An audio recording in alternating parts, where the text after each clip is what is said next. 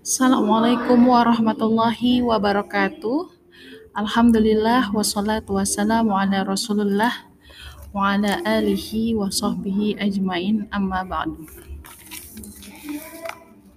Al-Quran menceritakan banyak kisah seperti kisah para nabi dan orang-orang soleh.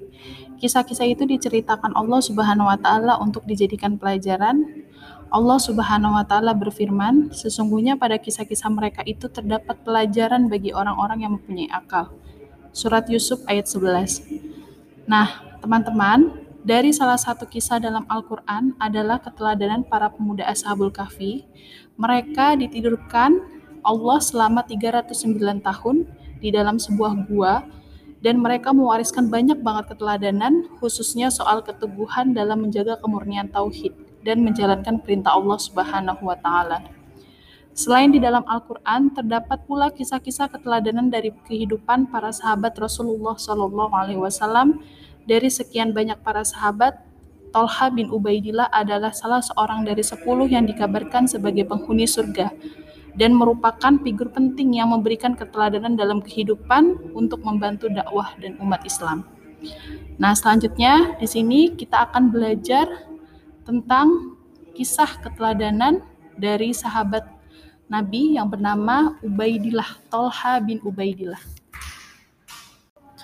Ya, teman-teman sekalian, kita langsung memasuki pembahasan kita tentang kisah keteladanan Tolha bin Ubaidillah. Tolha bin Ubaidillah adalah sahabat Nabi Muhammad SAW. Beliau termasuk dalam suku Quraisy. Tolha bin Ubaidillah dia termasuk dalam 10 orang yang dijamin masuk surga oleh Rasulullah wasallam. Begitu banyak memberikan dia gelar karena kebaikannya. Tolha bin Ubaidillah adalah dikenal sebagai dengan orang yang selalu baik hati, pemurah, dan selalu dermawan. Namanya adalah Tolha bin Ubaidillah. Lahir 26 tahun sebelum Hijriah dan meninggal pada tahun 36 Hijriah. Beliau meninggal sebagai syahid pada Perang Jamal dan beliau berasal dari suku Taimi atau tokoh pembesar Quraisy.